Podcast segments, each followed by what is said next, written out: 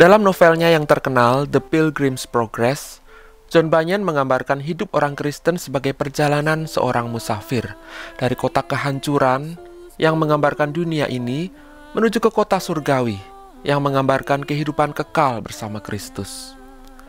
Dalam perjalanannya, sang musafir menghadapi berbagai macam tantangan, hambatan, dan godaan yang berusaha menggagalkannya mencapai tujuan. Namun dengan pertolongan orang-orang yang dijumpainya dalam perjalanan, akhirnya ia dapat mencapai kota tujuannya. Ada saat-saat ketika sang musafir tersesat dan menghadapi masalah besar. Dan ia tidak dapat menemukan jalan keluarnya, bahkan dengan bantuan para penolongnya.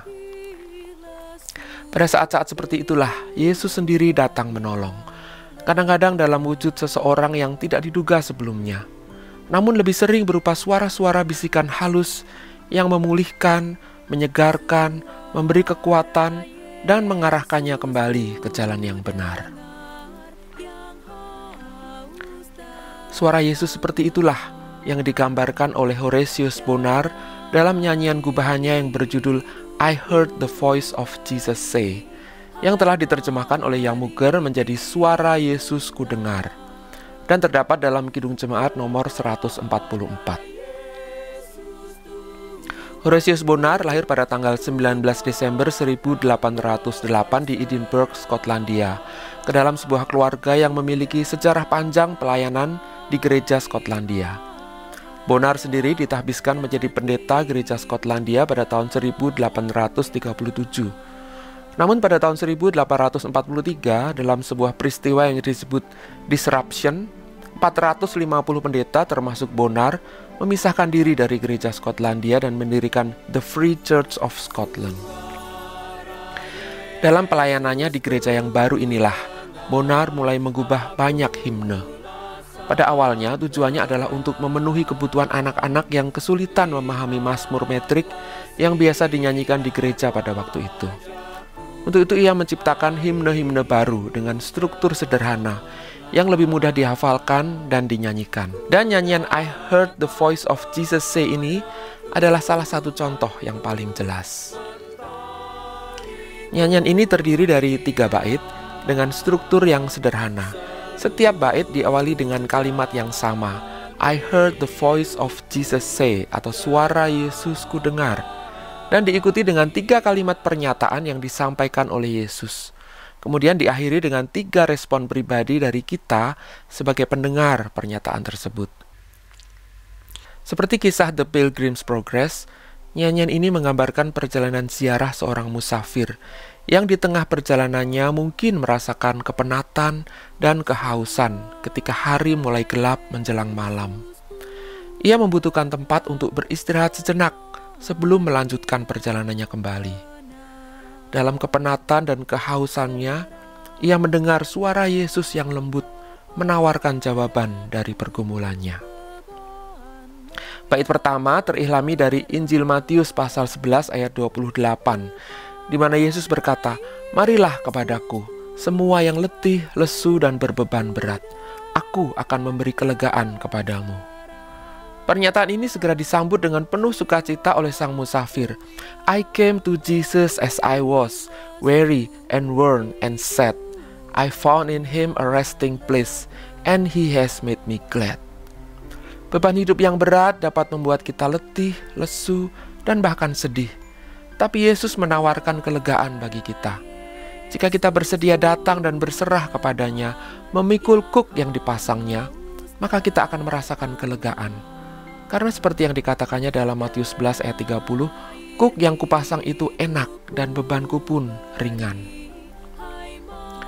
Bait kedua terilhami dari Injil Yohanes pasal 4 ayat 10 sampai 14, yaitu kisah mengenai perjumpaan Yesus dengan seorang perempuan Samaria di tepi sumur Yakub.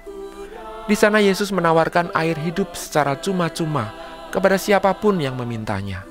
Dan barang siapa meminumnya, ia tidak akan haus untuk selama-lamanya. Sebaliknya air itu akan menjadi mata air di dalam dirinya yang terus-menerus memancar sampai kepada hidup yang kekal.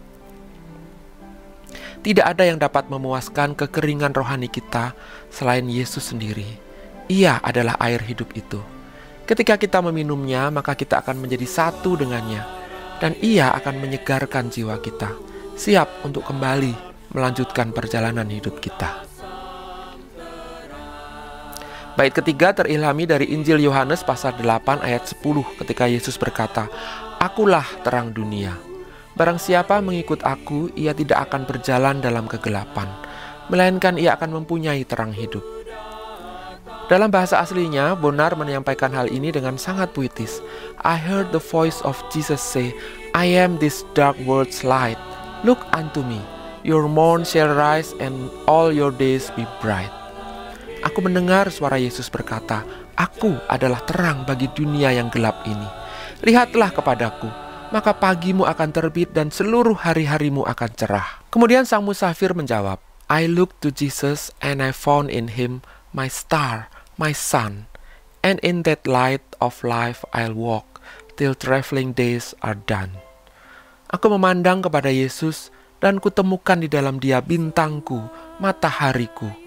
Dan di dalam terang hidup itu aku akan berjalan sampai hari-hari siarahku berakhir. Pergumulan hidup yang berat, dosa-dosa yang menekan, dapat membuat hidup kita menjadi gelap seakan malam turun mencekam kita, dan kita tidak dapat lagi melihat ke mana arah tujuan perjalanan kita. Tapi Yesus berkata bahwa yang perlu kita lakukan hanyalah memandang kepada Dia, karena Ia adalah Sang Terang yang sejati, dan di dalam terang itu kita dapat melangkah sampai menuju titik akhir perjalanan ziarah kita. Horatius Bonar tidak mengubah melodi khusus untuk syair yang indah ini, melainkan dia menggunakan melodi-melodi yang sudah ada pada waktu itu. Karena itu nyanyian ini muncul dalam berbagai versi melodi. Dalam Kidung Jemaat sendiri, nyanyian ini terdapat dalam dua versi, yaitu versi A yang menggunakan melodi gubahan John Bacchus Dykes dan versi B yang menggunakan melodi lagu rakyat Inggris. Ada sedikit catatan menarik mengenai melodi gubahan John Bacchus Dykes ini. Dykes menciptakan melodi ini secara khusus untuk syair yang ditulis oleh Bonar dengan menggunakan dua nada dasar yang berbeda. Untuk setengah lagu bagian pertama yang berisi panggilan dan tawaran Yesus kepada kita yang letih, haus, dan dalam kegelapan, digunakan nada dasar G minor, sehingga suasananya agak muram. Sedangkan untuk setengah lagu berikutnya, ketika tawaran itu diterima dan kita mendapatkan kelegaan dan jiwa kita dipuaskan, digunakan nada dasar G mayor yang bersuasana gembira. Namun dalam video kali ini kita tidak akan mendengarkan melodi versi Dykes yang sering disebut juga Vox Dilecti tersebut. Namun kita akan mendengarkan versi B, yaitu melodi dari lagu rakyat Inggris. Selamat mendengarkan suara Yesus.